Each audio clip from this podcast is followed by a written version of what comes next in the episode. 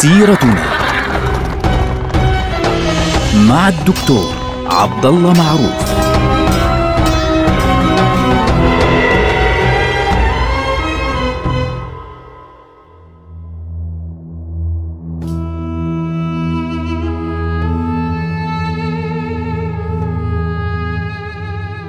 بسم الله الرحمن الرحيم. السلام عليكم ورحمة الله وبركاته. سيرتنا سيرة هذه الأمة. ونحن الآن مع نهاية عهد أبي بكر الصديق رضي الله عنه وبداية عهد عمر بن الخطاب رضي الله عنه. نحن الآن تحديدا في شهر جمادة الآخرة يعني اللي هو شهر ستة فعليا آه، تحديدا يوم 22 22 جمادة الآخرة من عام 13 الهجرة اللي هو كان يوم ثلاثاء. يوم الاثنين الذي سبقه كان أبو بكر رضي الله عنه قد توفي ليلا بعد أن استخلف عمر بن الخطاب رضي الله عنه.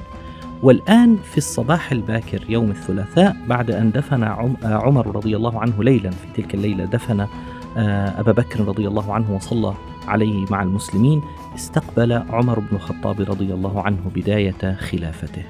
عمر ابن الخطاب الأمير العظيم الخليفة العادل الذي اشتهر بين الناس جميعا بالعدل. عمر بن الخطاب رضي الله عنه كان رجلا طويلا كان جهما. يعني جهم شو معناها؟ إنه ليس آه، نحيفا وإنما ضخما بشكل عام. كان رجلا بائن الطول. فإذا مشى بين الناس ظن أنه يركب على حمار مثلا لشدة طوله وشدة آه، ظهوره من بين الناس. وكان أصلع. طبعا أصلع معناها مش أنه ما فيش فيه ولا شعر برأسه. كان شعره عندما كبر بالذات كان شعره على أطراف رأسه رضي الله عنه. فكانت صفته واضحة من بين هذه الصفات آه، بالصلع يعني صلعته واضحة. وكان كثير شعر البدن آه، رضي الله عنه. يعني انحسر شعره عن جانبي رأسه. الشعر على جانبي الرأس بشكل عام كان أبيض البشرة شديد الحمرة. يعني كان آه، حمرة وجهه شديدة جدا بحيث أنه من شدة بياضه. إذا احمر وجهه يظهر عليه واضحا اللون الأحمر رضي الله عنه. وكان عمر رضي الله عنه أعسر اليد. أعسر بمعنى أنه بيستعمل يده اليسرى. وكان قد درب نفسه يعني هو في البداية كان أعسر وكان قد درب نفسه بعد ذلك على أن يستعمل كلتا يديه. لكن أكثر يد كان يستعملها كانت اليد اليسرى. كان أعسر اليد رضي الله عنه وكان أول من لقب أمير المؤمنين.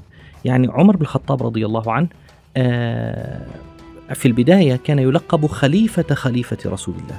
طبعا أبو بكر الصديق رضي الله عنه كان لقبه خليفة رسول الله بمعنى أنه الذي جاء بعد رسول الله يعني خلف رسول الله على المؤمنين. هذا معنى كلمة خليفة يعني خليفة ليست كلمة آه ذات طابع ديني أو مقدس. لا إخوانا كلمة خليفة وصف بها أبو بكر الصديق رضي الله عنه باعتبار أنه خلف رسول الله يعني جاء بعد رسول الله صلى الله عليه وسلم على المؤمنين. يعني هو المسؤول عنهم آه بشكل أساسي. وبالتالي لما جاء عمر رضي الله عنه كانوا يلقبونه في البداية يا خليفة خليفة رسول الله. طبعا كلمة طويلة يا خليفة خليفة رسول الله. بعضهم كانوا يناديه يا خليفة أبي بكر. بعضهم كان يقول يا خليفة. فقط الخليفة.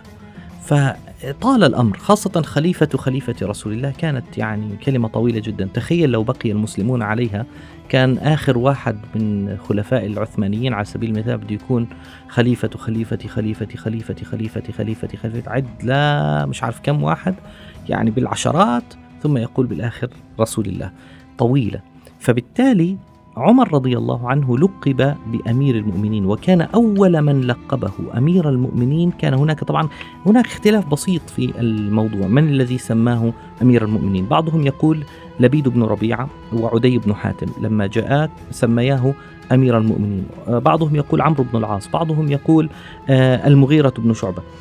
الأرجح فعليا أنه القصة يعني هي أرجح آه، قصة في هذا الموضوع أن لبيد بن ربيعة وعدي بن حاتم قدما المدينة المنورة فدخلا على آه، عمرو بن العاص في المسجد فقال له استأذن لنا على أمير المؤمنين فعمر قال والله أصبتما اسمه يعني أحسنتم الاسم أوه, أوه جميل هذا الاسم. فدخل عمرو بن العاص فقال السلام عليك يا أمير المؤمنين فقال عمر ما بدا لك في هذا الاسم؟ لتخرجن مما قلت يعني شو من وين جبت الاسم؟ فقال له أنت الأمير ونحن المؤمنون. يعني فعليا لبيد بن ربيعة وعدي بن حاتم وصفاك هذا الوصف وهو وصف مصيب رائع. لماذا؟ أنت الأمير ونحن المؤمنون وبالتالي أنت أميرنا. فمنذ ذلك اليوم جرى هذا الاسم اسمه أمير المؤمنين فهو أول من كان أمير المؤمنين. وللعلم هو أول من كتب التاريخ من الهجرة هو أول من اتخذ بيت المال هو أول من آه، عس بالليل هو أول من عاقب على الهجاء هو أول من جمع الناس في صلاة الجنائز على أربع تكبيرات هو أول من اتخذ الديوان. يعني آه، كثير من الأمور التي قام بها عمر رضي الله عنه يعني يعتبر أول من فعلها.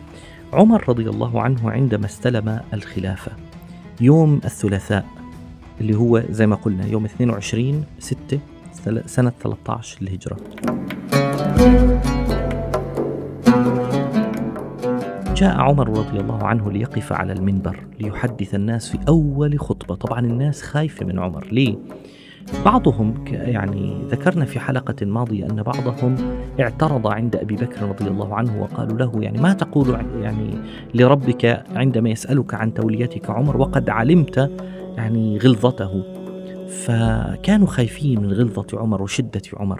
فأول ما إجا عمر رضي الله عنه ليصعد على المنبر قال في نفسه دعا دعاء سمعه من حوله قال اللهم إني شديد فليني وإني ضعيف فقوني وإني بخيل فسخني.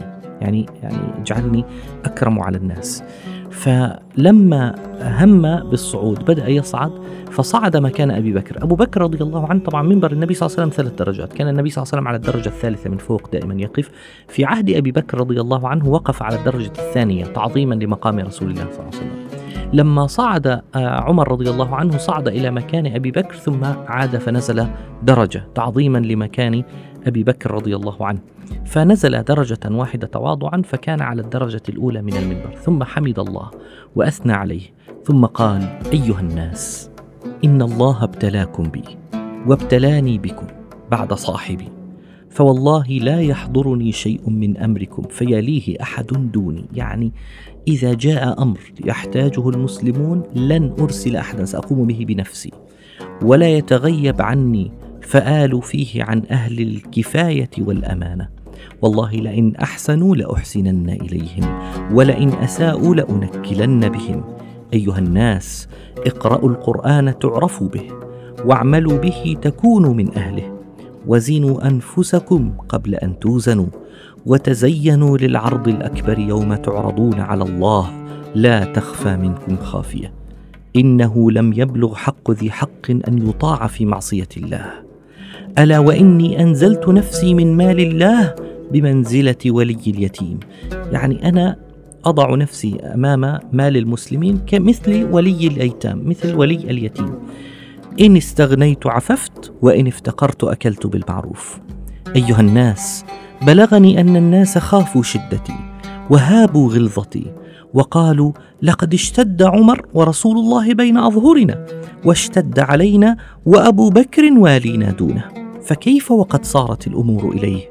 ألا فاعلموا أيها الناس أن هذه الشدة قد أضعفت ولكنها طبعا أضعفت بمعنى يعني اضعفتها شددتها يعني أكثر ولكنها إنما تكون على أهل الظلم والتعدي على المسلمين. أما أهل السلامة والدين والقصد فأنا ألين إليهم من بعضهم لبعض ولست أدع احدا يظلم احدا أو يعتدي عليه حتى أضع خده على الأرض وأضع قدمي على خده الآخر حتى يذعن للحق. وإني بعد شدتي تلك لأضع خدي أنا على الأرض لأهل الكفاف وأهل العفاف.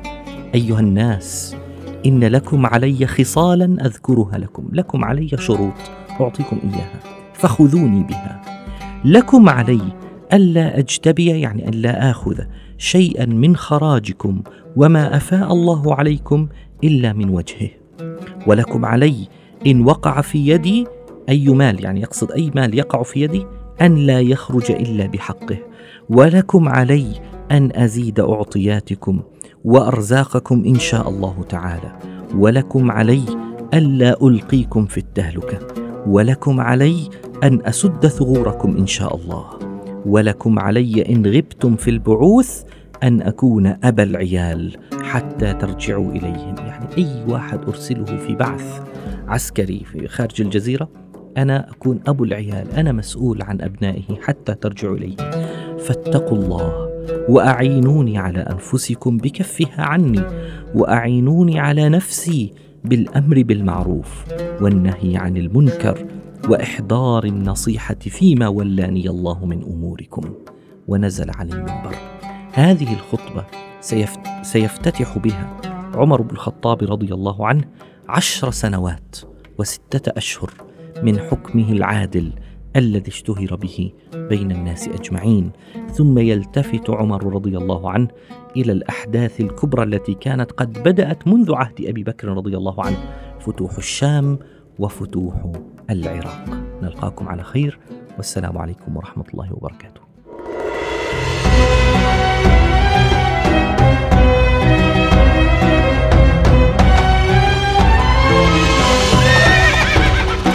سيرتنا